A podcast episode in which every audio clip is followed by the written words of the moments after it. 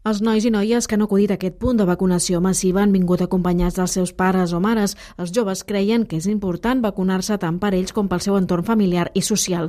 N'hem parlat amb en Marc, el Roger i l'Arnau. Per ja buscar la tranquil·litat que, que ja tocava, perquè eh, fa un temps que estic tenint bastant de compte amb el virus i meus pares estan, estan sent bastant estrictes i tota la cosa. Per ja començar a treure'ns la mascareta i poder estar millor i sense que la gent mori.